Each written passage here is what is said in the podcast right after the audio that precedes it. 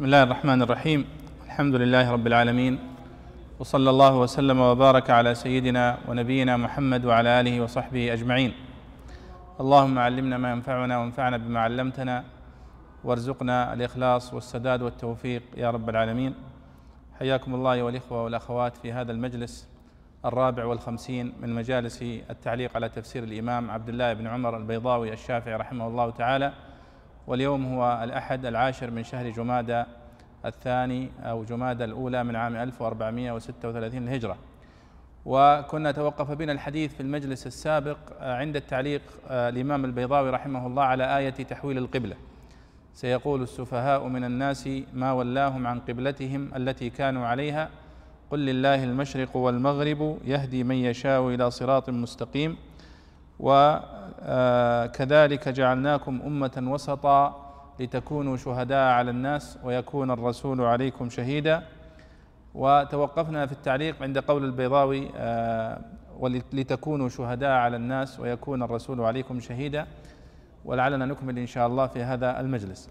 ولعلنا علقنا في المجلس الماضي على قضية تحويل القبلة أيها الإخوة أن هذه تعتبر من القضايا الكبرى التي حدثت في تاريخ الإسلام في أول هجرة النبي صلى الله عليه وسلم إلى المدينة أنه عندما هاجر إلى المدينة واختلط أو يعني اقترب من اليهود وكان عليه الصلاة والسلام يصلي إلى بيت المقدس. فشعر اليهود بشيء من التقارب عندما رأوه يصلي إلى قبلتهم لأنهم هم يصلون إلى بيت المقدس. فكان عليه الصلاة والسلام يتوق إلى أن تتحول القبلة إلى الكعبة لأن كما يذكر أهل التاريخ ويعني ذكر عبد الله ذكر أبو العاليه الرياحي رحمه الله وهو أحد التابعين أو كبار التابعين يقول رأيت مسجد صالح عليه الصلاة والسلام صالح النبي صالح عليه الصلاة والسلام يقول رأيت قبلته متوجهة إلى الكعبة يعني صالح عليه الصلاة والسلام رأى أنه كان يصلي إلى الكعبة. وكذلك موسى عليه الصلاة والسلام وإبراهيم عليه الصلاة والسلام فهي قبلة الأنبياء جميعا الكعبة. وذكر أبو عمر بن عبد البر رحمه الله أن الصحيح والراجح أن النبي صلى الله عليه وسلم عندما كان في مكة كان يصلي إلى الكعبة. وهناك قول آخر أنه كان يصلي إلى بيت المقدس ولكنه كان يجعل الكعبة بينه وبين بيت المقدس.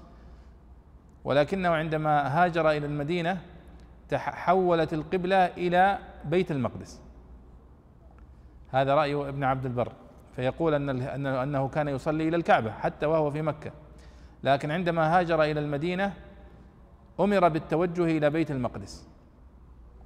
ولكن قلبه ظل معلقا بالكعبة. فجاء قوله تعالى قد نرى تقلب وجهك في السماء فلنولينك قبلة ترضاها.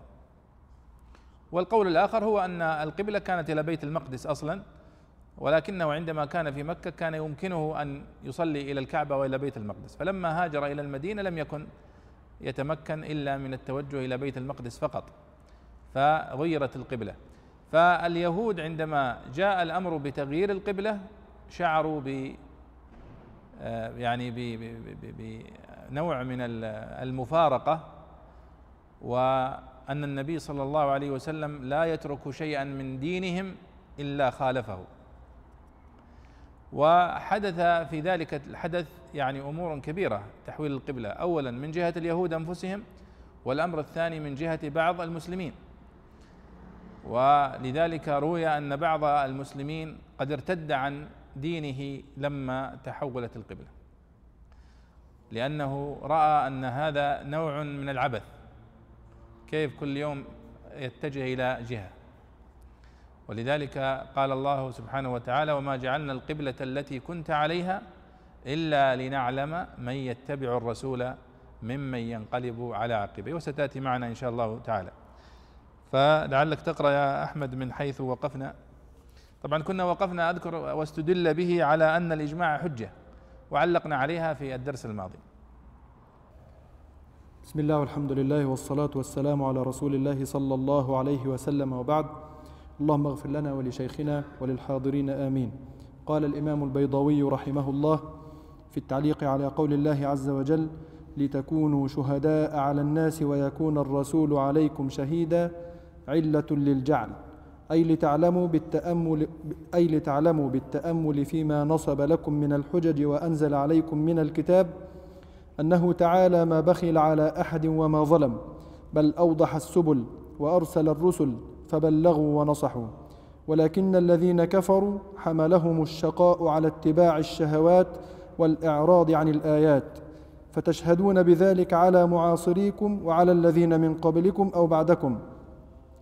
روي أن الأمم يوم القيامة يجحدون تبليغ الأنبياء فيطالبهم الله ببينة التبليغ وهو أعلم بهم إقامة للحجة على المنكرين. فيؤتى بأمة محمد صلى الله عليه وسلم فيشهدون فتقول الأمم من أين عرفتم؟ فيقولون علمنا ذلك بإخبار الله تعالى في كتابه الناطق على لسان نبيه الصادق صلى الله عليه وسلم. فيؤتى بمحمد صلى الله عليه وسلم فيسأل, فيسأل عن حال أمته فيشهد بعدالتهم. وهذه الشهادة وإن كانت لهم لكن لما كان الرسول عليه السلام كالرقيب المهيمن على أمته عدى بعلى وقدمت الصلة للدلالة على اختصاصهم بكون الرسول شهيدا عليهم. وما جعلنا القبلة التي كنت عليها أي الجهة التي كنت عليها وهي الكعبة. فإنه عليه الصلاة والسلام كان يصلي إليها بمكة ثم لما هاجر أمر بالصلاة إلى الصخرة تألفا لليهود. أو الصخرة لقول ابن عباس رضي الله عنهما كانت قبلته بمكة بيت المقدس إلا أنه كان يجعل الكعبة بينه وبينها. فالمخبر به على الأول الجعل الناسخ وعلى الثاني المنسوخ. والمعنى أن أصل أمرك أن تستقبل الكعبة وما جعلنا قبلتك بيت المقدس. نعم. إذا البيضاوي الآن يشير إلى آه، في قوله تعالى وكذلك جعلناكم أمة وسطا. لماذا؟ لماذا جعلتنا أمة وسطا؟ قال لتكونوا شهداء على الناس ويكون الرسول عليكم شهيدا. فقال البيضاوي لتكونوا شهداء على الناس علة للجعل. يعني أن الله جعلنا أمة وسطا من أجل شهادتنا على الأمم سواء المقصود الأمم السابقة كما ثبت هذا في الحديث الذي ذكره أو على المعاصرين لتكونوا شهداء على الناس. والناس هنا تشمل آه، يعني هي عامة.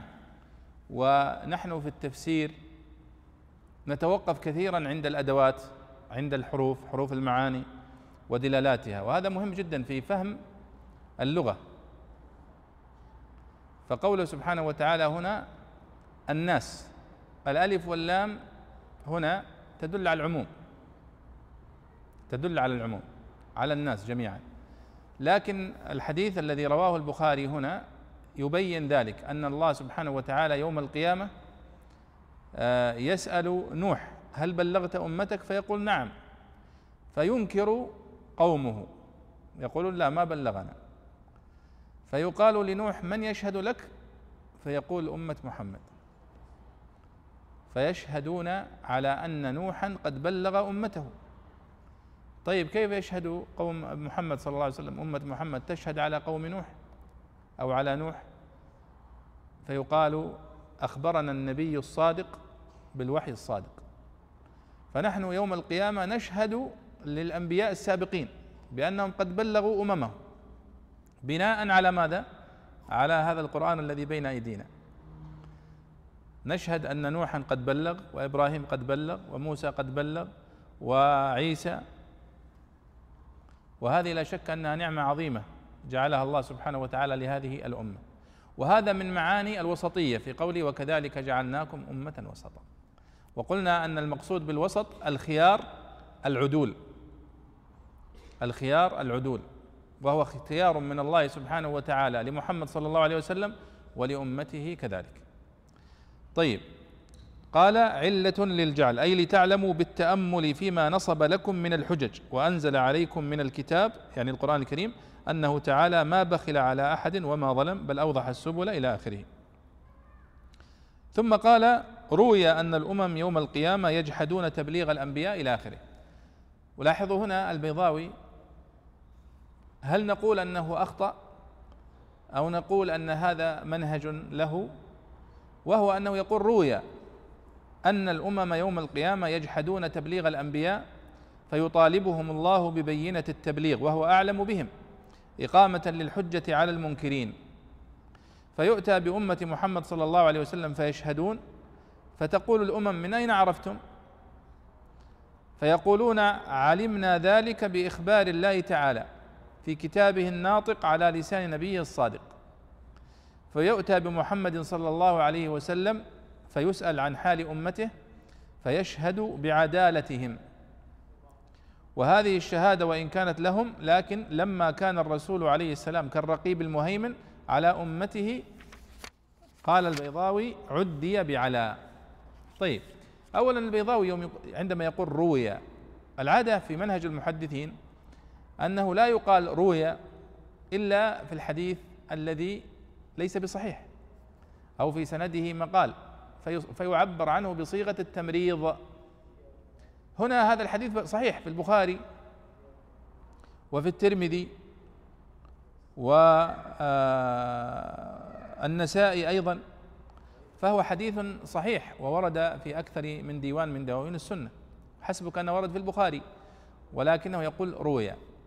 ولذلك نحن لا نستعجل عندما نحكم على المفسر أو على العالم. فيقال مثلا أنه إذا قال روى دل على أنه صحيح فإذا قال روي دل على أنه عنده فيه نظر. كيف يمكن أن يكون فيه نظر وهو في البخاري وفي النسائي وفي الترمذي؟ مما يدل على أنه إما انه وهم من البيضاوي رحمه الله أن يعبر بهذه الصيغة وأيضا القول بأن البيضاوي ضعيف في الحديث من وجهة نظري فيه مجازفة. وإن كان هذا الذي يقال في كتب التراجم أو في كتب النقد التي تنقد بعض كتبه لأنه قد يحتج بأحاديث ضعيفة. يعني مثلا نحن تحدثنا في أول التفسير وقلنا أن البيضاوي من عيوبه أنه يذكر في نهاية كل سورة الأحاديث الموضوعة في فضائل السور. وهو حديث موضوع بالإجماع مكذوب على النبي صلى الله عليه وسلم. وضعه آه، ابن أبي مريم عندما رأى الناس يعني من وجهة نظره يعني يقول رأيت الناس انصرفوا إلى المغازي وإلى سير ابن هشام وتركوا القرآن الكريم فوضعت لهم أحاديث في فضائل السور حتى يرجعوا إلى القرآن. ولذلك يعني ذكر هذا علماء الحديث واعتبروا هذا يعني كذبا مختلقا مصنوعا وأن بعض الذين وضعوا الحديث من الزنادقة الذين يريدون تحريف الدين وبعضهم من السذج الذين يظنون أنهم يكذبون من أجل الدين. فلذلك لما قيل لابن أبي مريم كيف تفعل ذلك؟ والرسول صلى الله عليه وسلم يقول من كذب علي متعمدا فليتبوأ مقعده من النار. قال أنا لم أكذب عليه. أنا كذبت له. يعني من أجل مصلحة الإسلام وكذا. ذلك يقرأ من قرأ سورة التوبة بنى له الله في الجنة قصرا له سبعون باب وعلى كل باب سبعون جوهرة كل جوهر. كلام من هذا القبيل. ويعني لو تتأملون في بقية الأحاديث هذا يعتبر من عيوب الإمام البيضاوي لأنه ذكر هذا. كيف تذكر هذا الحديث الموضوع؟ وتورده في كتابك. وهو في هذا مقلد للكشاف للزمخشري. طيب هل نقول أنهم ضعفاء في الحديث؟ الزمخشري له كتاب في شرح غريب الحديث يعتبر من أفضل كتب الغريب اسمه الفائق في غريب الحديث. لكنه يعني قد يقال كونه يشرح غريب الحديث لا يعني أنه عالم به وبأسانيده وطرقه والصحيح والضعيف منه. وهذا صحيح. ومثله البيضاوي له كتاب اسمه تحفة الأبرار في شرح كتاب المصابيح في السنة للبغوي. آه له شرح عليه سماه تحفة الأبرار وطبع في ثلاثة مجلدات قريبا. وقرأته حتى أبحث يعني عن هل يمكن فعلا أن نصنف البيضاوي أنه من المحدثين العارفين بالأسانيد؟ في الحقيقة أنه لا يمكن ذلك لأن رتبة معرفة الصحيح من الضعيف مرتبة عالية. ليست لكل أحد. ولذلك قليل من الأئمة الكبار الذين يتصدون لهذا. ومن المتأخرين الذين يمكن أن يعني يعتمد عليهم في هذا وهم من الأئمة الإمام الذهبي مثلا والبرزالي والمزي ونحوهم ممن كانوا تقريبا في طبقة البيضاوي. البيضاوي هو يعتبر من هذه الطبقة لأنه يعني توفي في سنة 685 هجرية وهم يعني في هذه يعني في القرن في أوله فهو لا يصنف معهم حقيقة لأنهم أئمة ومعرفة لهم معرفة واسعة بالحديث. هو الزمخشري ونحوهم هم لديهم معرفة بالحديث لكنها ليست آه، كمعرفة هؤلاء المحدثين ولذلك وقعت هذه الأخطاء في كتبهم. لأن لا يمكن أني أعتبر رواية حديث موضوع والاستشهاد به والاعتماد عليه آه، إلا خللا في في في منهجية الاستدلال. كيف تعتمد على مثل هذه الأحاديث الموضوعة المكذوبة؟ فالبيضاوي هنا في قوله روي هنا أن الأمم يوم القيامة يجحدون تبليغ الأنبياء يعني يمكن أن نقول أنه وهم منه أو عدم يعني تدقيق في العبارة وإلا فالصحيح أن الحديث هذا حديث صحيح لا يذكر بصيغة التمريض. طيب إذا هذا يعني هذه المسألة. المسألة الأخرى عندما قال ويكون الرسول عليكم شهيدا. الرسول في الحقيقة هو شاهد لهم شاهد لأمته بالصدق. لأنهم عندما تشهد أمة محمد على الأمم السابقة يقال من يشهد لكم؟ فيزكيهم النبي صلى الله عليه وسلم. وهذا معنى ويكون الرسول عليكم شهيدا. فهو الأصل ويكون الرسول لكم شهيدا. لكنه عبر بعلى وهنا تأتينا المسألة التي دائما تتكرر معنا. لماذا يعبر بحرف؟ في موضع حرف آخر. السياق يفترضه ويرى أن الأولى هو التعبير بذلك الحرف. فنحن ذكرنا طبعا أن أن الصحيح من أقوال المفسرين أننا نقول بالتضمين نضمن الفعل معنى يناسب الحرف. كيف؟ يعني بدل ما نقول الآن ويكون الرسول عليكم شهيدا ما هو الفعل؟ الذي يعدى بعلى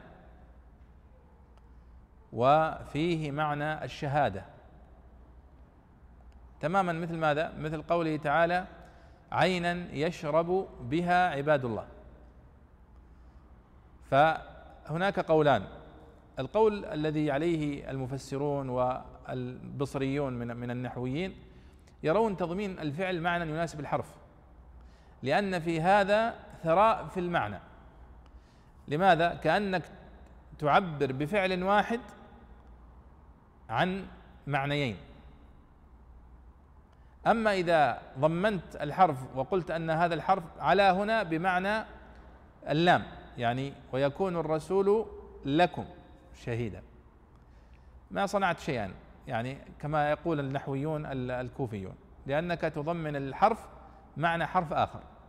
أما إذا ضمنت الفعل معنى فعل آخر فأنت قد دليت على على الفعل نفسه هذا والفعل الآخر.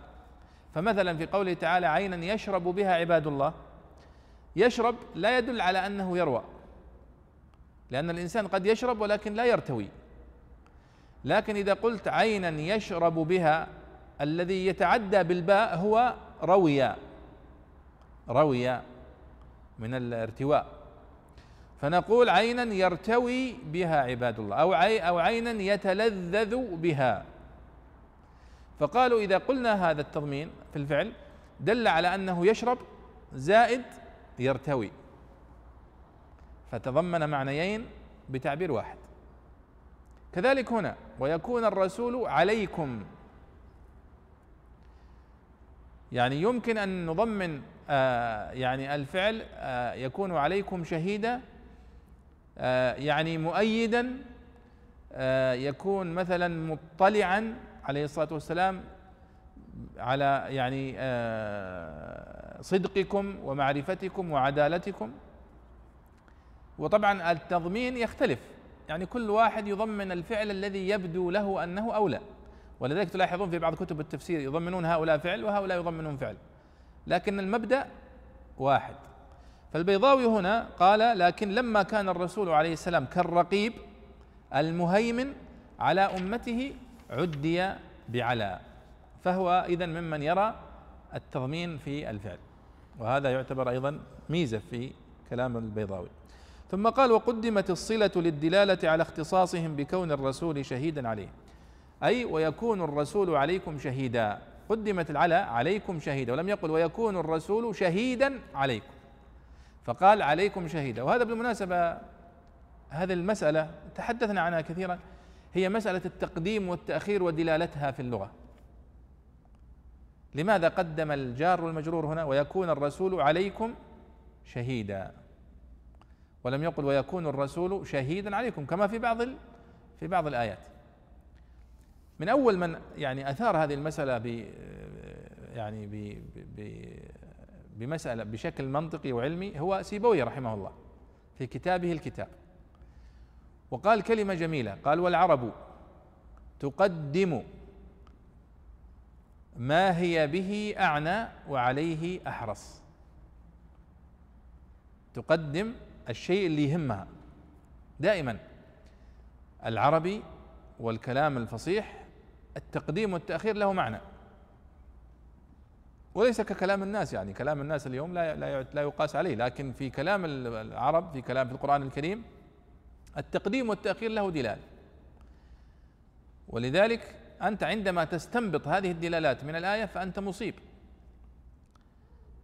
شرح هذا المعنى الذي ذكره سيبويه عبد القاهر الجرجاني في كتابه دلائل الإعجاز.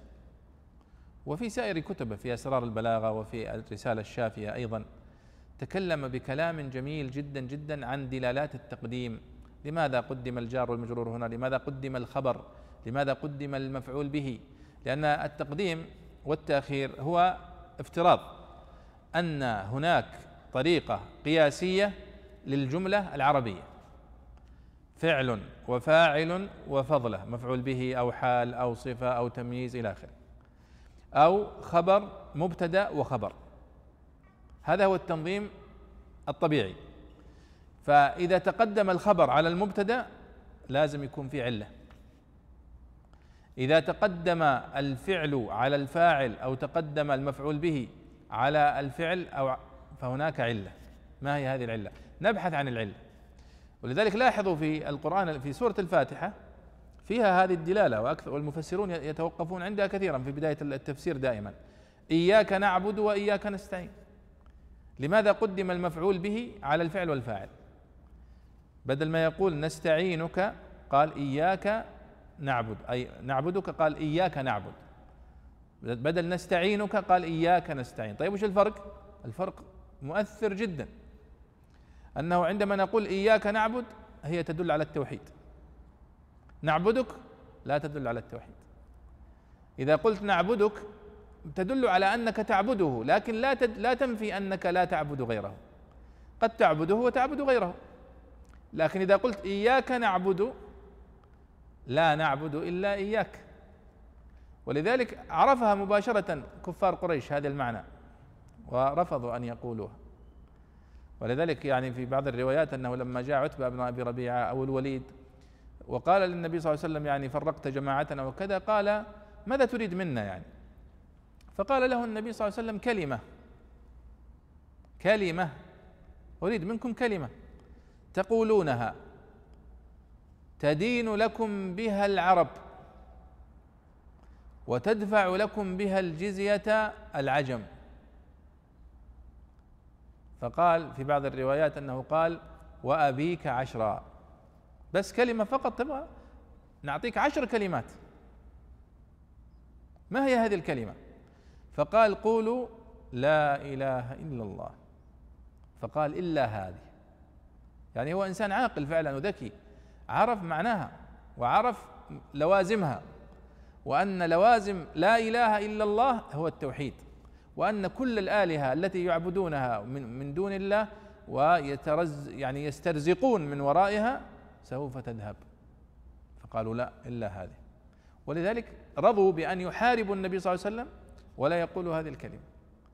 ولذلك يعني يقول العلماء كيف أنهم خاطروا بأنفسهم وأرواحهم ولم يستجيبوا لهذه الدعوة لأنهم عرفوا مستلزمات هذه الدعوة. وأيضا الذي آمن بالنبي صلى الله عليه وسلم آمن وهو يدرك ما هي لوازم هذه الدعوة. تذكرون في المحاضرة الماضية أيضا عندما ذكرنا قصة آه، ورقة بن نوفل رضي الله عنه لأنه يعني يقولون أنه هو أول من أول من أسلم وآمن بالنبي صلى الله عليه وسلم.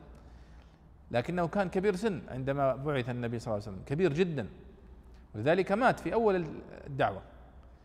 قال للنبي صلى الله عليه وسلم عندما سمع الكلام الذي يعني أوحي إليه قال ليت ما ليتني أكون فيها جذعا. يعني يعني ليتني صغير السن. يا ليتني شباب. وفي هذا السن حتى يعني أنصرك نصرا مؤزرا. قال ليتني أكون فيها جذعا إذ يخرجك قومك. فالنبي صلى الله عليه وسلم استغرب. يعني لماذا يعني يخرجني قومي؟ لماذا يعادوني؟ أنا إنسان يعني هو له مكانة في قريش عليه الصلاة والسلام. وأيضا أسرته أسرة يعني لها السيادة والشرف في في قريش. فقال له كلمة جميلة قال ما جاء أحد بمثل ما جئت به إلا عودي. سبحان الله سنة. سنة ولذلك الداعية ينبغي أن يوطن نفسه على ذلك. ويعرف أن هذا هو طريق الأنبياء عليهم الصلاة والسلام. جاءوا بدعوة من الله سبحانه وتعالى ومعهم المعجزات والحجج وبالرغم من ذلك اتهموا بكل التهم الكذب والسحر والكهانة وإلى آخره. ف آه، النبي صلى الله عليه وسلم عندما يعني قال له آه، ورقة بن نوفل هذا ثبته وكان في هذا تثبيتا للنبي صلى الله عليه وسلم. وأيضا في هذه الآية في قوله تعالى سيقول السفهاء من الناس ما ولاهم عن قبلتهم التي كانوا عليها من فوائد التقديم في هذه الآية تثبيت النبي صلى الله عليه وسلم. يعني سوف تتوجه الآن إلى قبلة جديدة. سوف يقول لك السفهاء كذا وكذا وكذا فلا تستغرب. وطن نفسك. ولذلك تثبيت النبي صلى الله عليه وسلم في القرآن الكريم هذا موضوع كتب فيه بعض الباحثين كتابا كبيرا. وسماه تثبيت الله سبحانه وتعالى لنبيه صلى الله عليه وسلم في القرآن الكريم. منها هذه الآية وتثبيته في مواضع كثيرة. عليه الصلاة والسلام. لأنه عليه الصلاة والسلام عندما يجابه بالتكذيب من قومه ومن كبار قومه قد يضعف عليه الصلاة والسلام ويتنازل. ولذلك قال الله له محذرا في سورة الإسراء ولولا أن ثبتناك لقد كدت تركن إليهم شيئا قليلا. ها قال إذا لأذقناك ضعف الحياة وضعف الممات. فلولا تثبيت الله سبحانه وتعالى للنبي صلى الله عليه وسلم بمثل هذه الآية وأمثالها لا ربما وقع النبي صلى الله عليه وسلم في شيء من التنازل. طيب هنا يقول وقدمت الصلة للدلالة على اختصاصهم بكون الرسول شهيدا عليهم كأنه يقول أن الرسول صلى الله عليه وسلم شهيد فقط عليكم أنتم يا أمة محمد. وأما أنتم فأنتم تشهدون على الأمم السابقة. أما الرسول فهو شهيد عليكم فقط ولذلك قدمت عليكم شهيدا قدم الجار والمجرور. وهذا من فوائد علم البلاغة ولذلك أنا أنصحكم بالتوسع يا شباب في قراءة كتب عبد القاهر الجرجاني. ومن وجد منكم صعوبة في كتابه دلائل الإعجاز أو أسرار البلاغة فأنصحه بقراءة كتاب مهم جدا اسمه مدخل إلى كتابي عبد القاهر الجرجاني. للأستاذ الدكتور محمد محمد أبو موسى. فهو قد يعني آه، سهل في هذا الكتاب. يعني أعطى نبذة ممتازة جدا عن كتاب عبد القاهر ومنهجيته ومزاياه وقيمته العلمية وما الذي أضافه على الكتب السابقة. ولذلك يعتبر عبد القاهر رحمه الله عبد القاهر بن عبد الرحمن الجرجاني هو مؤسس علم البلاغة الحقيقي. وميزته أنه بنى البلاغة على النحو. يعني التي يسمونها نظرية النظم. يقولون نظرية النظم التي جاء بها الجاحظ أول من ذكرها ثم لكن الذي قعد لها هو عبد القاهر الجرجاني. ولذلك تنسب إليه. فيقال مؤسس نظرية النظم. نظرية النظم هي باختصار شديد هي توخي معاني النحو في الكلام. يعني أنت الآن النحو نقول فعل فاعل مفعول به. ثم إذا قلنا مفعول به إياك مثلا هذا مفعول به مقدم. اذا هناك دلالة في هذا التقديم والتأخير. تبحث عن البلاغة في ذلك.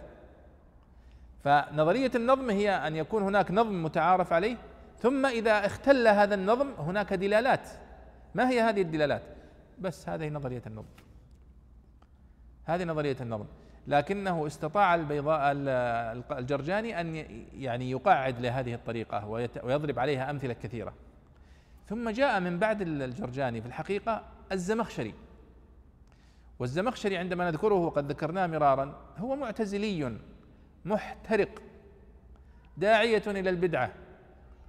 هذا صحيح. لكنه في تطبيقه لنظرية النظم في تفهم القرآن الكريم قد أتى بفوائد وبدائع لم يأتي بها غيره لماذا؟ لأن عبد القاهر الجرجاني يوم وضع النظرية أو يوم شرحها لم يتتبع كل آيات القرآن الكريم ولا كل الشعر العربي ولا كل الحديث النبوي وإنما ذكر نماذج جاء الزمخشري ماذا فعل؟ طبقها على القرآن كاملا لكنني قلت وأكرر في البلاغة البلاغة علم وذوق. ولذلك لو تناولت أنا قصيدة بالتحليل الأدبي وتناولها واحد منكم وتناولها أديب ثالث رابع لوجدت لكل واحد من هؤلاء لمسات خاصة في فهمه لهذا النص البلاغي. لماذا؟ لأنه ينعكس ذوقه هو ومعرفته هو وخبرته هو باللغة على فهمه لهذه النصوص. ولذلك علم البلاغة ليس علما كالرياضيات واحد زائد واحد يساوي اثنين لا. وإنما يضيف الشخص الذي يحلل النص البلاغي من ذوقه ومن فهمه على هذا النص. ولذلك نحن ماذا نقول؟ نقول البيض الزمخشري قد أضاف إضافات كثيرة على ما ذكره عبد القاهر الزرجاني. وتجاوزه وتجاوزه. وأتى هو بإضافات تحسب له. ولذلك يعتبر هو مرحلة جاءت بعد الجرجاني في فهم البلاغة. ولذلك لا تستغربون دائما عندما تجدون ذكر للزمخشري وعناية في كتب التفسير مع أنه معتزلي وداعي إلى داعي إلى بدعته، نعم لكنه في هذه النقطة يعتبر نقطة يعني يعتبر مرحلة من مراحل البلاغة لا يمكن تجاوزها. مع الحذر من ما كان للعقيدة التي يعتقدها أثرا في فهمه لهذه الآيات القرآنية.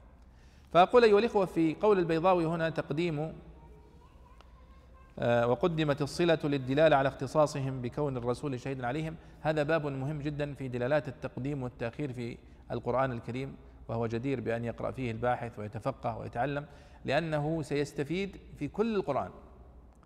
أنت إذا قرأت في هذا وأنصحكم بكتاب جميل جدا وموجود ومتاح على الإنترنت دلالات التقديم والتأخير في القرآن الكريم.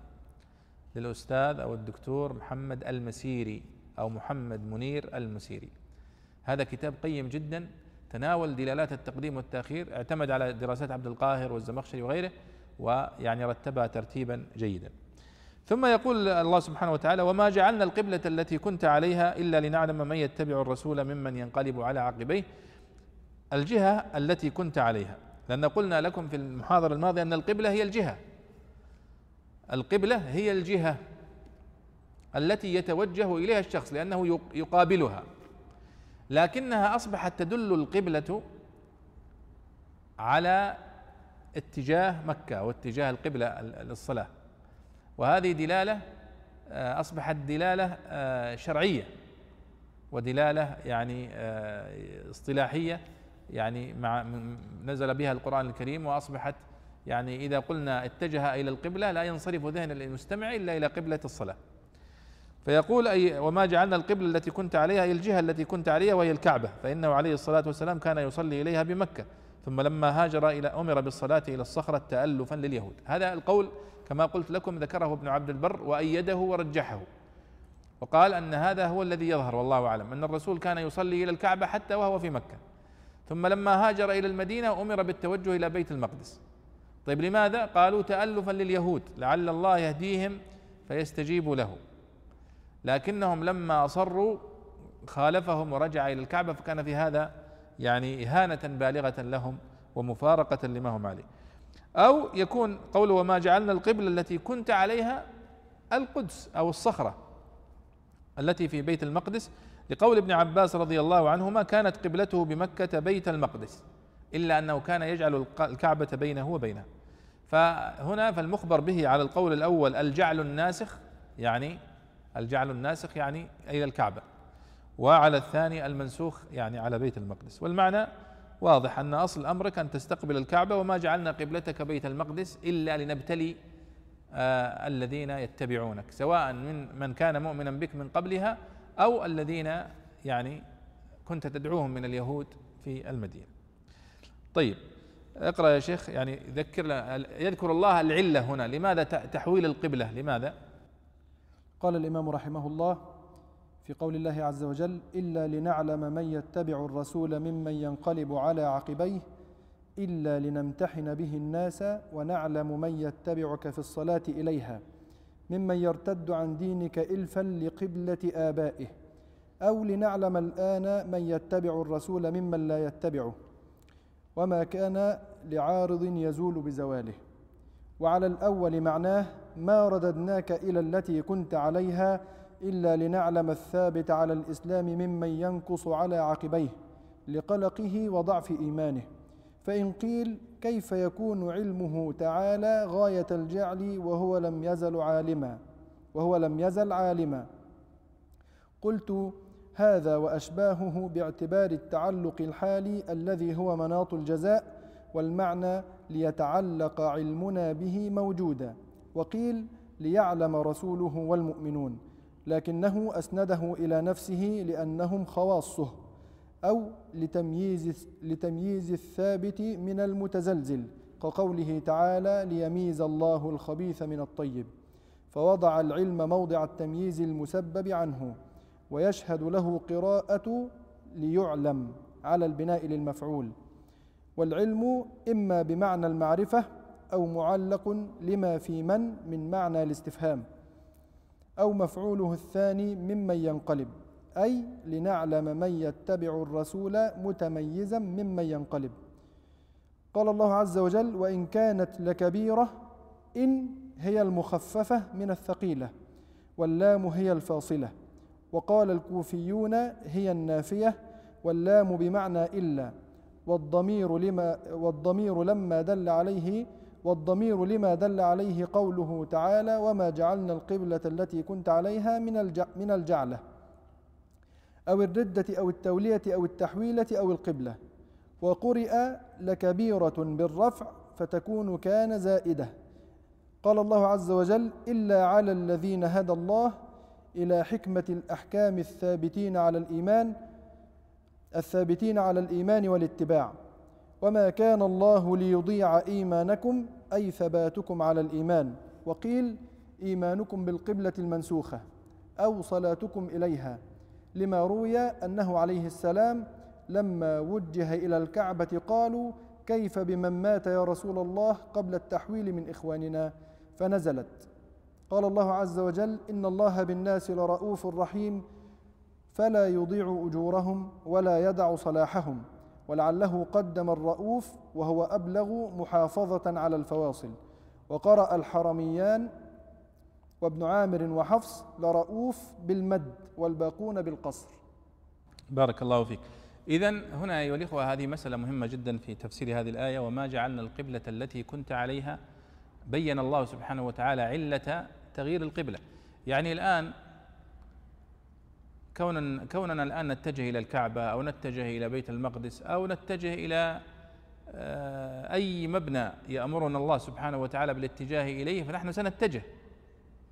لو أمرنا الله سبحانه وتعالى أن نتجه إلى جمرة العقبة اتجهنا. لأننا نحن نستجيب لأمر الله سبحانه وتعالى. فهو أمرنا أن نتجه إلى الكعبة نحن نتجه إليها. فالعبرة عندنا نحن هو اتباع لأمر الله سبحانه وتعالى. لا نسأل عن العلة. لماذا أمرتنا بالاتجاه الكعبة؟ بيت المقدس أفضل. ولا ليست المسألة بهذا. نحن نتبع أمره سبحانه وتعالى.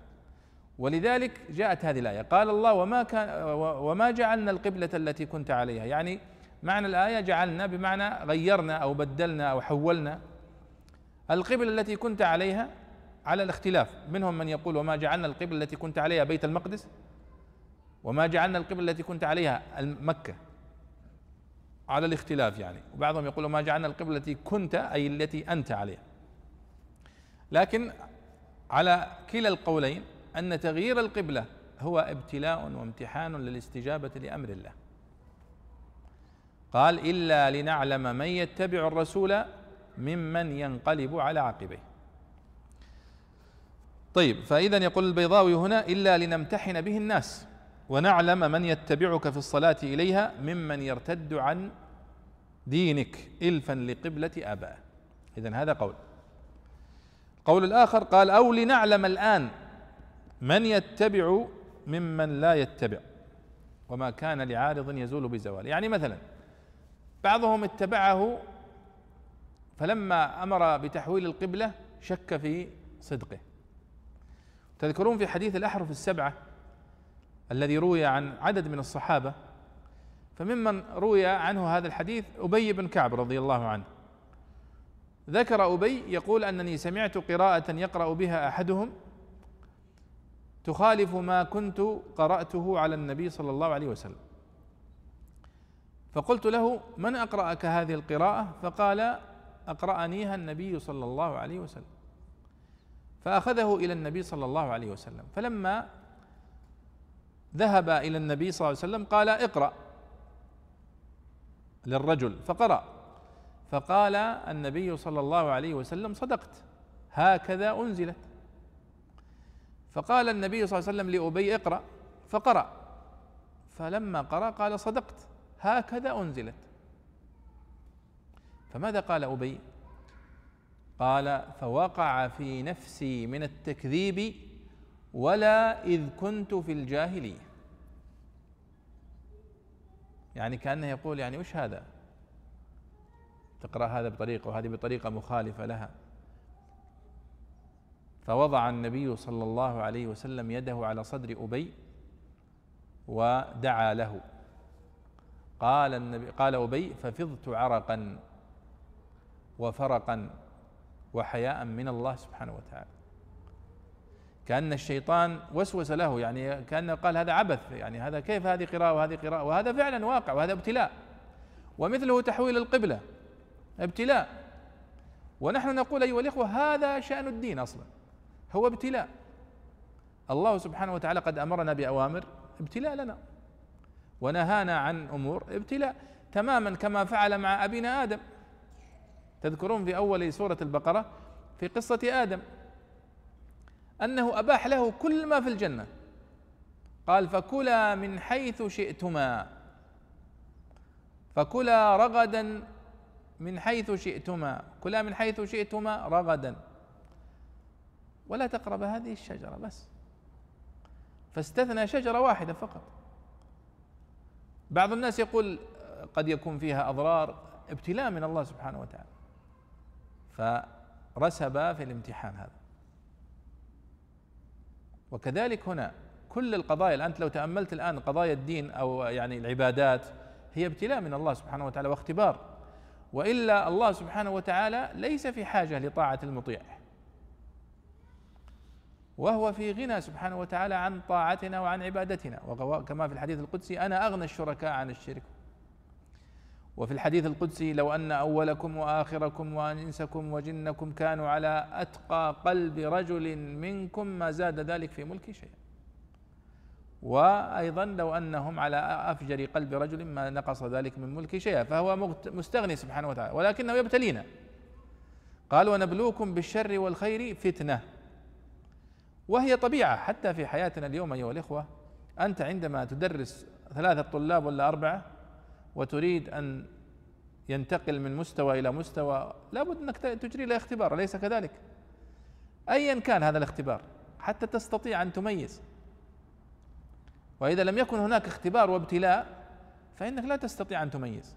فالله سبحانه وتعالى وضع هذه التكاليف وهذه الشرع ومنها القبلة. قال وما جعلنا القبلة التي كنت إلا لنعلم من يتبع الرسول ممن ينقلب على عقبه ويمكن أن نعمم هذه الآية في كل تكليف. أن الله سبحانه وتعالى ما كلفنا إلا ليعلم من يتبع الرسول ممن ينقلب على عقبيه. الذي يستجيب للحج الذي يستجيب للصلاة الذي يستجيب للأذان الذي يستجيب للزكاة الذي يستجيب للصيام. إلا ليعلم الله سبحانه وتعالى من يتبع الرسول ممن ينقلب على عقبيه ولا يستجيب. ولذلك عندما يسأل الكفار يوم القيامة كما في سورة الملك. فيقال آه، يعني لهم آه، ألم يأتكم رسل منكم يتلون عليكم آياتي؟ قالوا بلى. في كما في ولكن فيعني آه، قال الله سبحانه وتعالى فاعترفوا بذنبهم فسحقا لأصحاب السعير. نعم جاءنا بشير وجاءنا نذير ولكن كذبنا. وقلنا ما نزل الرحمن من شيء. إنها إلى آخره. فيعني هذه الآية هي تنسجم مع قضية الابتلاء في سائر آه، شؤون الدين. لكن هنا يتحدث عن القبلة. فقال إلا لنعلم من يتبع الرسول ممن ينقلب على عقبه طيب. هنا سؤال وهو سؤال يتكرر في مواضع كثيرة من القرآن الكريم في قوله تعالى إلا لنعلم من يتبع الرسول ممن ينقلب على عقبه نحن نؤمن بأن الله سبحانه وتعالى بكل شيء عليم. وأن علم الله سبحانه وتعالى يتعلق بالماضي ويتعلق بالمستقبل ويتعلق بالمستحيل أيضا. كيف؟ أما علمه سبحانه وتعالى بالماضي فهذا واضح. لكن علمه بالمستقبل الله سبحانه وتعالى يعلم ماذا سيكون. البشر لا يعلمون ماذا سيكون. ولذلك نحن نقول دائما علم الله لا يلحقه ليس ليس مسبوقا بجهل وليس ملحوقا بنسيان. أما علم البشر فهو مسبوق بجهل وملحوق بنسيان. الله يعلم المستقبل البشر لا يعلمون المستقبل والمخلوقات كلها إلا من أخبره الله سبحانه وتعالى بالوحي وأخبره أنه سيحدث كذا وسيحدث كذا. فهذا هو مصدر المعرفة بالنسبة لنا الوحيد. مصدر المعرفة في المستقبل هو الوحي. وأيضا الله سبحانه وتعالى علمه يتعلق بالمستحيل. كيف؟ يعني نقول أن الله يعلم ما كان يعني في الماضي وما يكون في المستقبل وما لم يكن لو كان كيف يكون. ولذلك الله سبحانه وتعالى ذكر عن الكفار أنهم يقولون آه يعني آه ارجعنا نعمل صالحا. فالله سبحانه وتعالى قال ولو ردوا لعادوا لما نهوا عنه يعني لو استجبنا لهم ورددناهم لعادوا لكفرهم وتكذيبهم. وهذا تعلق بما لن يقع أصلا. يعني الله قد حرمهم ومنعهم. لكنه يقول لو رجعوا أو أعطوا فرصة أخرى لرجعوا إلى الكفر والتكذيب واضح هذا؟ طبعا يأتي السؤال هنا في الآية. كيف يقول الله سبحانه وتعالى وما جعلنا القبلة التي كنت عليها إلا لنعلم من يتبع الرسول. يعني هل معنى الآية أنك ما كنت تعلم قبلها؟ طبعا الجواب لا. الله سبحانه وتعالى يعلم من هو الذي يتبع الرسول ومن هو الذي لا يتبع. من دون اختبار ولا ابتلاء. طيب كيف نفسرها نحن في القرآن الكريم؟ نقول في تفسيرها إلا لنعلم أي ليكون ذلك واقعا يترتب عليه الجزاء والحساب. لأن الله سبحانه وتعالى لا يكلفنا إلا بما نعمل وما يظهر واقعا. فأنت اليوم غير مكلف بصلوات الغد. فلو مت اليوم لن تحاسب على صلوات الغد. ولذلك إنما يتعلق التكليف والجزاء والحساب بما حان وقته وكلفت به. أما ما لم يحن وقته فأنت غير مكلف به وغير محاسب عليه. فالله سبحانه وتعالى هنا أظهر الصادق من الكاذب بواسطة هذا الابتلاء حتى يحاسب الصادق ويكافأ ويحاسب المكذب ويعاقب. وهذا هو معنى قوله ليعلم من يتبع الرسول ممن ينقلب عليه أي ليعلم ذلك ظاهرا وواقعا يترتب عليه الجزاء. هذا هو التفسير الذي عليه أكثر المفسرين. وهناك قول آخر يقول البيضاوي في تفسيره كيف يكون علمه تعالى غاية الجعل وهو لم يزل عالما؟ يعني الله سبحانه وتعالى لا يقال أنه كان لا يعلم ثم علم. قلت هذا وأشباهه باعتبار التعلق الحالي الذي هو مناط الجزاء والمعنى ليتعلق علمنا به موجودا. هذا هو التفسير الذي يقول به أكثر المفسرين أي ليكون ذلك موجودا. وعبر الله عن الوجود هنا بالعلم. وإلا ليس المقصود أنه لم يكن عالما فعلم. هذه واضحة يا شباب؟ طيب توجيه آخر وهو أقل من حيث القوة وقد ذكره بعض المفسرين قالوا إلا لنعلم من يتبع الرسول ممن ينقلب على عقبيه أي إلا ليعلم رسولنا والمؤمنون. طيب لماذا تقول لنعلم وأنت تقصد المؤمنون والرسول؟ قال البيضاوي ليعلم رسوله والمؤمنون لكنه أسنده إلى نفسه لأنهم خواصه أي المؤمنون. لكن التوجيه الأول أقوى وهو الذي ينسجم مع بقية المواضع. قال فوضع العلم موضع التمييز إلى آخره. طيب. بقية الآية يعني ما فيها إشكال وإن كانت لكبيرة إلا على الذين هدى الله يعني آه، تحويل القبلة يعني وإن كانت هذه التحويلة لذلك البيضاوي هنا يقول وما جعلنا القبلة التي كنت عليها من الجعلة أو الردة أو الردة يعني رديناهم من قبلة إلى قبلة. يعني ردة مفرد آه، أو نعم واحد الرد. أو التولية أو التحويلة أو القبلة. يعني كلها صحيحة. يعني وما جعلنا هذه التحويلة أو جعلنا التغيير أو جعلنا الردة أو جعلنا إلا لهذا الأمر وهو الابتلاء والاختبار وقرئ لكبيرة فتكون كان زائدة يعني وإن كانت لكبيرة إلا على الذين هدى الله. يعني وإن كانت لكبيرة إذا قلنا وإن كانت لكبيرة تكون كان زائدة. إلا على الذين هدى الله إلى حكمة الأحكام الثابتين على الإيمان والاتباع وما كان الله ليضيع إيمانكم أي ثباتكم إلى آخره. وما كان الله ليضيع إيمانكم الصحيح من تفسيرات السلف أن المقصود بها صلاتكم. أن المقصود بها صلاتكم. لذلك البيضاوي هنا قال أي ثباتكم على الإيمان وقيل إيمانكم بالقبلة المنسوخة أو صلاتكم إليها. ثم لاحظوا أنه يقول لما روي أنه عليه الصلاة والسلام لما وجه إلى الكعبة قالوا كيف بمن مات يا رسول الله؟ قبل التحويل من إخواننا فنزلت وهذا حديث صحيح. ولذلك السلف كلهم يفسرون وما كان الله ليضيع إيمانكم صلاتكم. وهذا تفسير يعني هذه فائدة أيها الإخوة تجدون هذا في تفسير السلف كثيرا أنهم يفسرون اللفظة بمعنى أخص.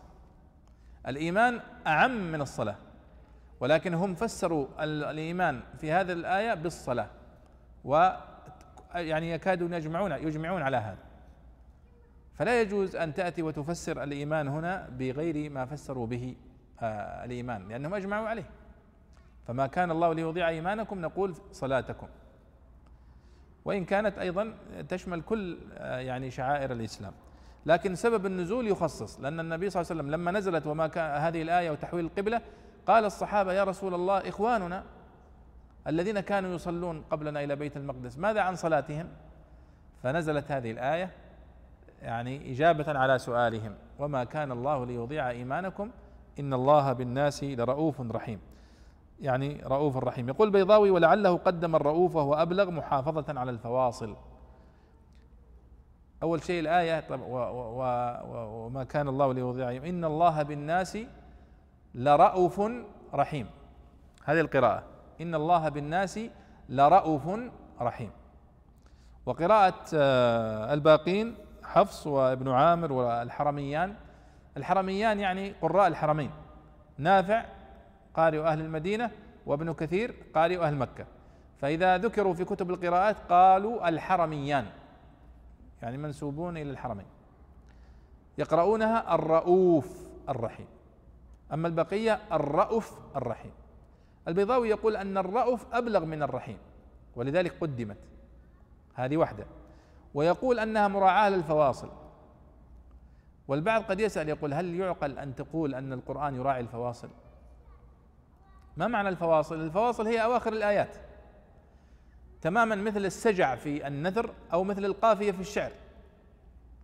لكن العلماء سموا أواخر الآيات فواصل تأدبا حتى يكون المصطلح الخاص بالقرآن مختلف عن الشعر وعن النثر النثر يسمونه سجع والشعر يسمونه قافية والقرآن يسمونها فاصلة. ولا هي نفس الفكرة؟ يعني آخر الآية. فيقول مراعاة للفواصل. ماذا يقصد؟ شوفوا الآية اللي قبلها. وما كان الله ليضيع إيمانكم من الله بالناس لرؤوف رحيم. الآية التي قبلها آخرها قوله آه، على صراط مستقيم. والتي قبلها آه، نونية مخلصون تعملون يعملون. فهو يقول الفاصل التي قبلها على صراط مستقيم يعني على حرف الميم فجاءت هذه مراعاة للفاصلة. التي قبلها فجاءت بحرف الميم فقال لرؤوف رحيم. ولم يقل لرحيم رؤوف. طيب هل هذا من مقاصد يعني تكلم بكلام جميل؟ الإمام الطاهر بن عاشور في مثل هذا الموضع وقال إن من مراعاة إن من يعني من مقاصد البليغ مراعاة الفاصلة. الشاعر يراعي القافية والخطيب يراعي السجعة. وهذا يعتبر من مقاصد البليغ أنه يقدم حل حر يعني لفظة على لفظة حتى يراعي الفاصلة. ولأن القرآن الكريم نزل على منوال العرب ومعرف وما يعرفونه من كلامهم فقد راعى الفواصل أيضا. طبعا قد يقول قائل إنه لا يلجأ إلى مراعاة الفواصل أو مراعاة القافية أو مراعاة السجعة إلا الإنسان لأنه ضعيف فيتكلف ذلك. أما الله سبحانه وتعالى فإن المعنى أهم من القالب. فنقول عندما نقول أنه قدم مراعاة للفاصلة كأنه المعنى ليس له قيمة فنقول هذا غير صحيح. بل إن مراعاة الفاصلة هي من مقاصد البليغ وهي أيضا تحمل إضافة معنوية. لا يوجد في القرآن الكريم مراعاة للفاصلة فقط دون إضافة معنوية. لكننا نريد أن نبين أن مراعاة الفاصلة مهمة وأن البليغ يراعيها. ولذلك جاء القرآن على هذا المنوال. وهذه من المسائل فعلا المشكلة لأنه قد ذكرها القدماء وأثاروها على أنها شبهة أنه كيف نقال أن أن هذا مراعاة للفاصلة؟ وهذا لا يفعله إلا البشر نقول لا هذا غير صحيح. هذا من مقاصد البلاغة والقرآن الكريم هو في الذروة من ذلك. طيب ولذلك وهذا تلاحظونه أيضا في الفواصل في قوله تعالى مثلا رب موسى وهارون وفي مواضع قال رب هارون وموسى فهذه ظاهرة واضح. التقديم والتأخير له دلالة وتلاحظون الفواصل كان لها دور في هذا التغيير.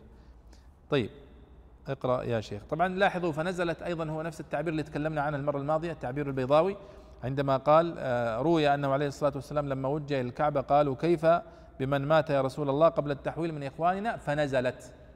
ونحن ذكرنا في المحاضرة الماضية صيغ أسباب النزول أنه فنزلت أو فأنزل الله. هذه صيغة مباشرة للسببية. أو نزلت هذه الآية في كذا هذه صيغة ليست مباشرة في السببية وإنما في الغالب يكون معناها تفسير الآية. تفضل. قد نرى تقلب وجهك. قال الإمام رحمه الله في قول الله عز وجل قد نرى تقلب وجهك في السماء قد نرى ربما نرى.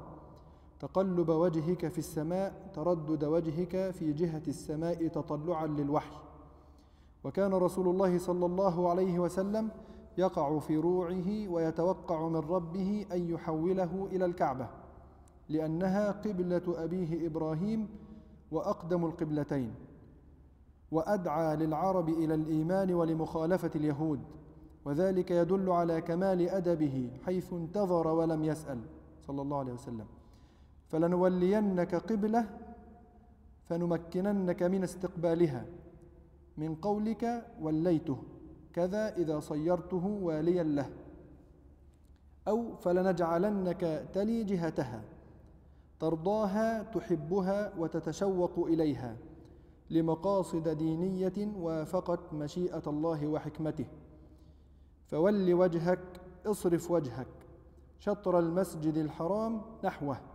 وقيل الشطر في الأصل لما انفصل عن الشيء من شطر إذا انفصل. ودار شطور أي منفصلة عن الدور ثم استعمل لجانبه وإن لم ينفصل كالقطر. والحرام المحرم أي محرم فيه القتال أو ممنوع من الظلمة أن يتعرضوه وإنما ذكر المسجد دون الكعبة لأنه عليه الصلاة والسلام كان في المدينة والبعيد يكفيه مراعاة الجهة. فإن استقبال عينها فإن استقبال عينها حرج عليه بخلاف القريب. فإن استقبال عينها حرج عليه بخلاف القريب. روي أنه عليه الصلاة والسلام قدم المدينة فصلى نحو بيت المقدس ستة عشر شهرا ثم وجه إلى الكعبة في رجب بعد الزوال قبل قتال بدر بشهرين. وقد صلى بأصحابه في مسجد بني سلمة ركعتين من الظهر. فتحول في الصلاة واستقبل الميزاب. وتبادل الرجال والنساء وتبادل الرجال والنساء صفوفهم فسمي المسجد مسجد القبلتين. وحيثما كنتم فولوا وجوهكم شطرة خص الرسول بالخطاب تعظيما له عليه الصلاة والسلام وإيجابا لرغبته. ثم عمم تصريحا بعموم الحكم وتأكيدا لأمر القبلة. وتحضيضا للأمة على المتابعة. وإن الذين أوتوا الكتاب ليعلمون أنه الحق من ربهم جملة لعلمهم بأن عادته تعالى تخصيص كل شريعة بقبلة وتفصيلا لتضمن كتبهم أنه صلى الله عليه وسلم يصلي إلى القبلتين والضمير للتحويل أو التوجه وما الله بغافل عما يعملون وعد ووعيد للفريقين وقرأ ابن عامر وحمزة والكسائي بالياء. نعم قد نرى تقلب وجهك في السماء فلنولينك قبلة ترضاها. فول وجهك شطر المسجد الحرام وحيثما كنتم فولوا وجوهكم شطره. وإن الذين أوتوا الكتاب ليعلمون أنه الحق من ربهم وما الله بغافل عما يعملون. يقول البيضاوي قد نرى ربما نرى. ربما نرى. هنا نقول يا إخوان قد إذا دخلت على الفعل المضارع تدل على التقليل. قد تسبق العرجاء وقد يجود البخيل. معناها الأصل إن العرجاء ما تسبق صح؟ يعني الفرس العرجاء مثلا أو الناقة العرجاء ما يمكن إنها تحقق السباق صح؟ لكن أحيانا قد تسبق العرجاء وقد يجود البخيل. البخيل الأصل فيه أنه يمسك ما يجود لكنه أحيانا قد يجود. فلذلك نقول أن قد إذا دخلت على الفعل المضارع تدل على التقليل لكن في حق الله تعالى لا. وهذا ما سنناقشه لكن بعد الأذان. بسم الله الرحمن الرحيم. نعود إلى هنا في قوله تعالى قد نرى تقلب وجهك في السماء. نقول أن أهل اللغة والأهل النحو يقولون أن قد إذا دخلت على الفعل الماضي فإنها تدل على التأكيد والتحقيق. وهذا صحيح ومضطرد. في قوله تعالى مثلا قد سمع الله قول التي تجادلك في زوجها آه، فقد سمع في الماضي. وأيضا في كلام الناس إذا جاءت قد ودخلت على الفعل الماضي فإنها تدل على التحقيق والتأكيد أنه قد وقع. لكن إذا دخلت قد على الفعل المضارع فالقاعدة تقول أنها تدل على التقليل. قد تسبق العرجاء قد يجود البخيل قد ينجح الكسول إلى آخره. لكنه ورد في القرآن الكريم في مواضع دخلت قد على فعل مضارع. في حق الله سبحانه وتعالى قد يعلم الله المعوقين منكم. قد نرى تقلب وجهك في السماء. هل معناها التقليل؟ لا يمكن.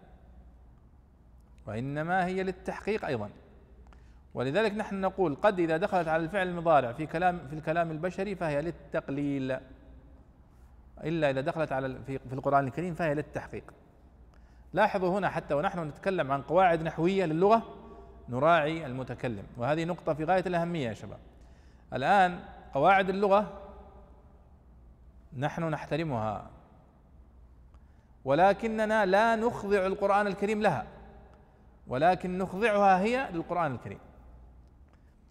فمثلا تذكرون أن ذكرنا في قوله تعالى مثلا واتقوا الله الذي تساءلون به والأرحام. إن الله كان عليكم رقيبا. هذه قراءة آه، الجمهور. وقرأ حمزة واتقوا الله الذي تساءلون به والأرحام. بالكسر. قال النحويون خطأ. ما يجوز أن نعطف الظاهر على المضمر. العرب لا تفعل ذلك. كيف تعطف والأرحام؟ وهي اسم ظاهر على الهاء في قوله به وهي مضمر. به والأرحام. فاختلف النحويون على فريقين.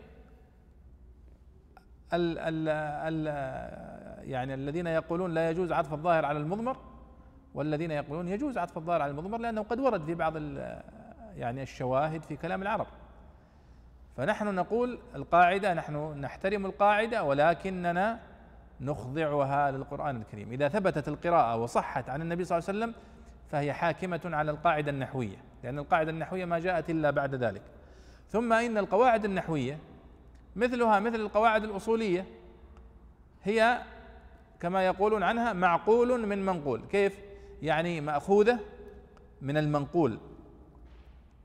القواعد النحوية جمعنا كلام العرب جمعنا الكلام الفصيح والقرآن الكريم هو في الذروة.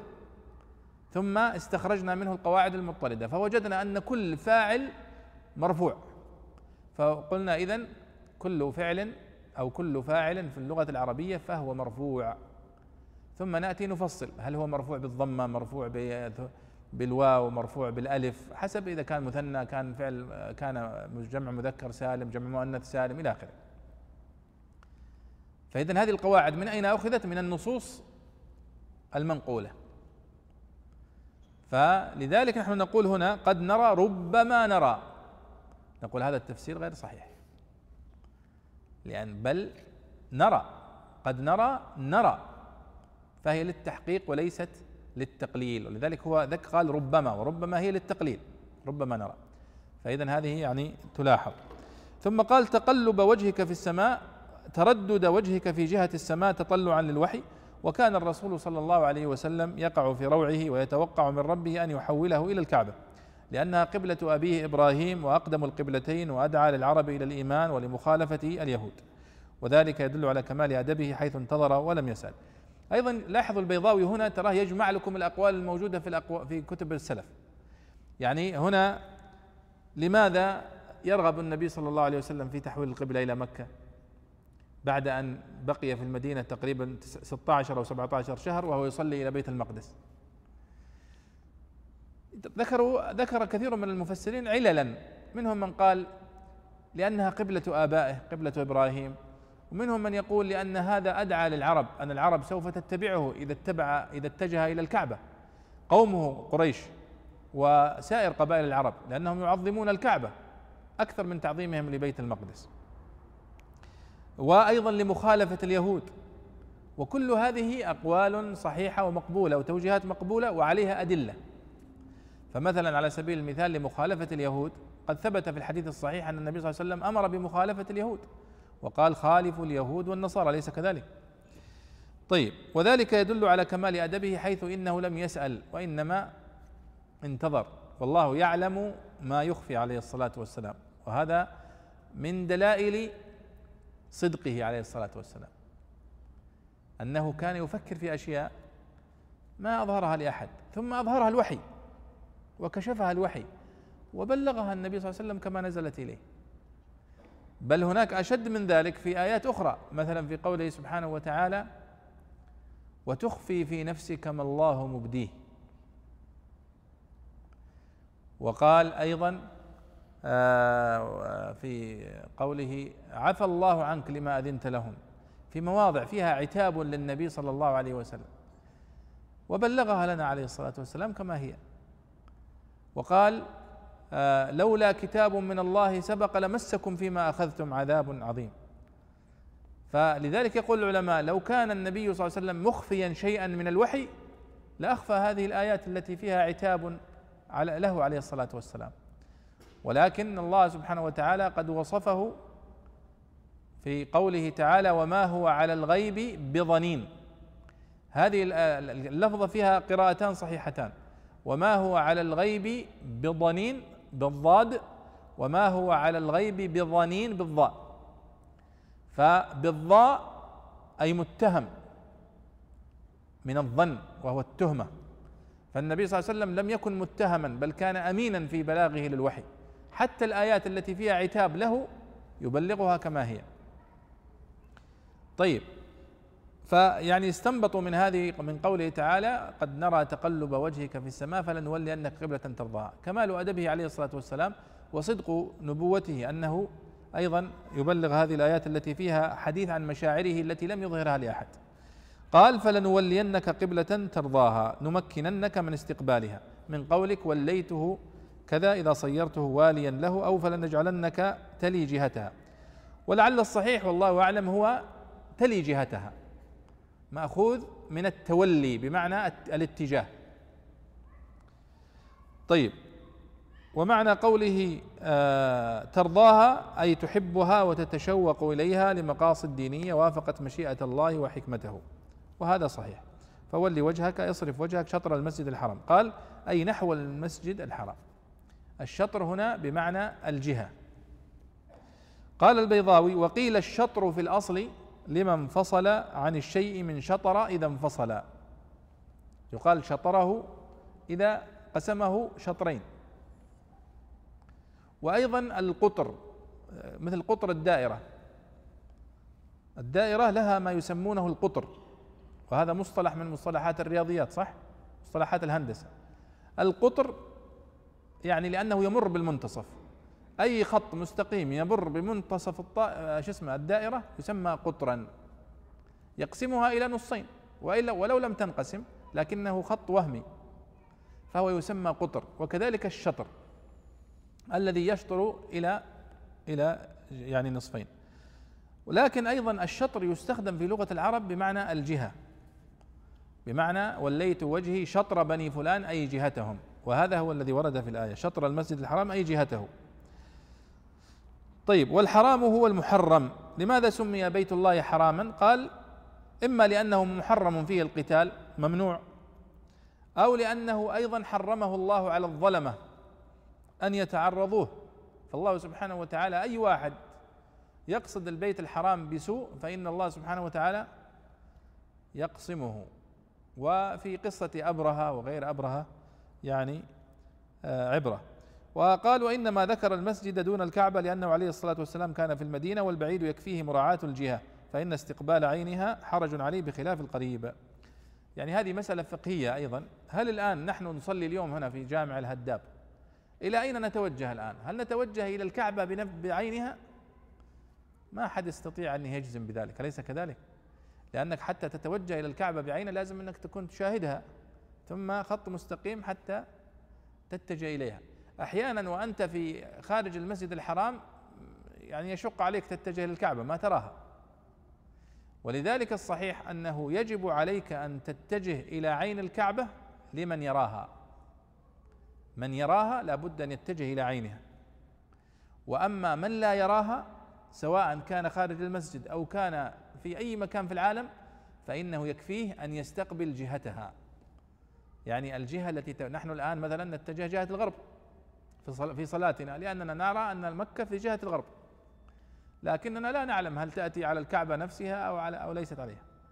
وهذا من يعني سعة رحمة الله سبحانه وتعالى. لذلك قال هنا فولي وجهك شطر المسجد الحرام. ولم يقل فولي وجهك عين الكعبة أو عين المسجد الحرام. وهذه الآية أيها الإخوة والآية التي قبلها هي دليل على وقوع النسخ في الشريعة الإسلامية. تذكرون أن مرت معنا آية ما ننسخ من آية أو ننسها نأتي بخير منها أو مثلها. هناك من يعارض ويقول لا النسخ غير موجود في القرآن الكريم. ويحاجج. لماذا؟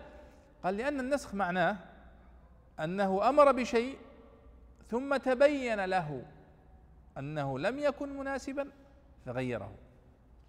وهذا يصح في في البشر لكن في حق الله سبحانه وتعالى هل نقول به؟ فنقول نعم نقول به. اولا لأنه ثبت كما تلاحظون هنا القبلة. هذه مثال كان الناس يتجهون إلى بيت المقدس ثم أمرهم الله أن يتجهون إلى بيت إلى الكعبة. هذا النسخ. هو أن ينزل خطاب متقدم ثم يأتي خطاب متأخر يلغي الخطاب السابق.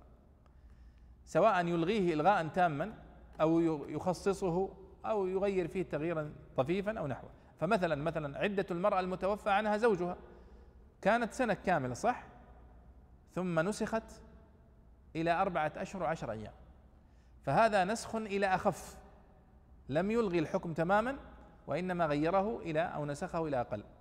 هنا في الكعبة هذا يعتبر مثال على الاستواء. يعني هناك في النسخ يقسمونه النسخ إلى أخف والنسخ إلى أثقل والنسخ إلى مساوي. فالنسخ إلى الأخف مثل نسخ العدة هنا. عندما مثلا كانت المرأة تعتد سنة كاملة بعد وفاة زوجها ثم خففه إلى أربعة أشهر وعشر أيام. أو النسخ إلى أثقل كما يذكرون له مثال مثلا نسخ آه، حبس المرأة التي تقع في جريمة الزنا برجمها أو بجلدها فهو نسخ إلى أثقل. أو نسخ صيام يوم عاشوراء بنسخ صيام رمضان كاملا فهو نسخ إلى أثقل. والنسخ إلى الموازي أو المساوي يضربون له مثالا بنسخ القبلة. يعني من الناحية التكليفية ما تفرق إنك تصلي إلى جهة بيت المقدس أو تصلي إلى الكعبة. ما فيها مشقة لا في هذا ولا في هذا.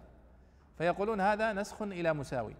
وإن كنت يوما ذكرت هذا المثال فاعترض علي أحد الحضور. قال هذا لما هو صحيح أنك تقول أن الاتجاه أو نسخ القبلة يعتبر مساوي لأن الاتجاه إلى الكعبة أعظم. فقلت أنت إذا نظرت إلى القبلة نفسها ممكن صح الكعبة لا شك أنها أعظم مكانة لكن أنا أتحدث عن الفعل نفسه. هل أنت الآن عندما تصلي إلى بيت المقدس أو تصلي إلى الكعبة هل تختلف المشقة عليك؟ لا هو عمل واحد. فهذا هو المقصود عند العلماء. طيب ثم يقول البيضاوي آه روي أنه عليه الصلاة والسلام قدم المدينة فصلى نحو بيت المقدس ستة عشر شهرا. ثم وجه إلى الكعبة في رجب بعد الزوال قبل قتال بدر بشهرين. وقد صلى بأصحابه في مسجد بني سلمة ركعتين من الظهر فتحول في الصلاة واستقبل الميزاب وتبادل الرجال والنساء صفوفهم فسمي المسجد مسجد القبلتين. هذه يعني روايات تغيير القبلة فيها يعني بعض ال يعني ال الاختلاف. فمنهم من يقول أنه جاءت هذه نزلت هذه الآية على النبي صلى الله عليه وسلم في صلاة الصبح. ومنهم من يقول في صلاة الظهر ومنهم من يقول في صلاة العصر. وأبو سعيد بن المعلى في حديثه وأبو سعيد بن المعلى رضي الله عنه ليس له إلا حديثان. حديثه هذا في القبلة وحديثه الآخر في سورة الفاتحة عندما قال له النبي صلى الله عليه وسلم ألا أعلمك سورة؟ يعني هي أعظم سورة في القرآن قبل أن تخرج من المسجد. ثم تبع النبي صلى الله عليه وسلم قبل أن يخرج من المسجد قال يا رسول الله. وذكره. فقال النبي صلى الله عليه وسلم سورة الفاتحة أو أم الكتاب. هي أعظم سورة في القرآن وهي السبع المثاني والقرآن العظيم الذي أوتيته. هذا الحديث رواه أبو سعيد بن المعلى في تفسير سورة الفاتحة وهو أيضا روى هذا الحديث في تحويل القبلة أنها في سورة في في في صلاة الظهر وأنه النبي صلى الله عليه وسلم يعني قد أخبر الصحابة بتغيير القبلة في صلاة الظهر. ولذلك غير النبي صلى الله عليه وسلم صلاته صلى ركعتين من الظهر ثم جاءه الأمر من جبريل بتغيير القبلة فاتجه عليه الصلاة والسلام وهو في الصلاة واتجه إلى الكعبه إلى مكة. قال فتبادل الرجال والنساء صفوفهم. كان الرجال في آخر في أول المسجد والنساء في آخره فغيروا من أماكنهم. هذا في الحديث في هذا الحديث. وفي بعض الروايات أنه في صلاة الصبح وبعضها في صلاة العصر وقد ذكرها المحدثون وذكرها القرطبي في تفسيره والبيضاء وابن كثير رحمه الله ذكر روايات هذه الأحاديث وأفاض فيها. وذكرها الطبري رحمه الله آه، رحمة واسعة. ولذلك هذا من أسباب أو سبب تسمية هذا المسجد مسجد القبلتين وهو مسجد معروف في مكة في المدينة إلى اليوم. سمي مسجد القبلتين لأن النبي صلى الله عليه وسلم صلى فيه إلى بيت المقدس ثم جاءه الوحي بالتغيير إلى بيت إلى المكه فغير في نفس المسجد فسمي آه، مسجد القبلتين. قال الله تعالى وحيثما كنتم فولوا وجوهكم شطره. خطاب في الأول للنبي صلى الله عليه وسلم قال فلنولينك قبلة ترضاها فولي وجهك شطر المسجد الحرام. خاطب النبي صلى الله عليه وسلم اولا باعتبار أنه عليه الصلاة والسلام هو الرسول وهو المبلغ وهو الذي كانت نفسه تتوق إلى تحويل القبلة. فكأنه حول القبلة إكراما له عليه الصلاة والسلام. ثم قال وحيثما كنتم حتى لا يظن ظان أن هذا خاص بالنبي صلى الله عليه وسلم. وحيثما كنتم فولوا وجوهكم شطره أي شطر المسجد الحرام. طيب وإن الذين أوتوا الكتاب ليعلمون أنه الحق من ربهم وما الله بغافل عما يعملون. أهل الكتاب هنا المقصود بهم اليهود. اليهود يعلمون كما في كتبهم أشياء كثيرة من من من تفاصيل نبوة النبي صلى الله عليه وسلم ورسالته. يعرفون صفات النبي صلى الله عليه وسلم ويعرفون قبلته التي يتجه إليها ويعرفون مهاجره الذي يهاجر إليه ويعرفون تفاصيل كثيرة. ولذلك يذكرون عن عبد الله بن سلام وهو من أحبار اليهود أنه لما سئل قال والله إنني أعرف النبي صلى الله عليه وسلم أكثر مما أعرف ابني. لأن الأدلة والصفات الموجودة في كتبهم عن النبي صلى الله عليه وسلم كثيرة جدا. وتعرضت للتحريف. وبالرغم من التحريف الذي تعرضت له بقيت كثير من الإشارات إليه عليه الصلاة والسلام. فالله يقول وإن الذين أوتوا الكتاب لا يعلمون أنه الحق من ربهم أي أنه سوف يتجه إلى مكة وإلى الكعبة لا إلى بيت المقدس. لأنه يعرفون هذا من خلال كتبهم. وما الله بغافل عما يعملون هو وعد ووعيد للفريقين. ولذلك قال عبد الله بن سلام عندما قيل له أعرفه أكثر مما أعرف ابني فقيل كيف؟ فقال إن النبي صلى الله عليه وسلم قد ذكرت لنا صفاته التي لا تخطئها العين. وأما ابني فلا أعرف قد تكون خانت أمه.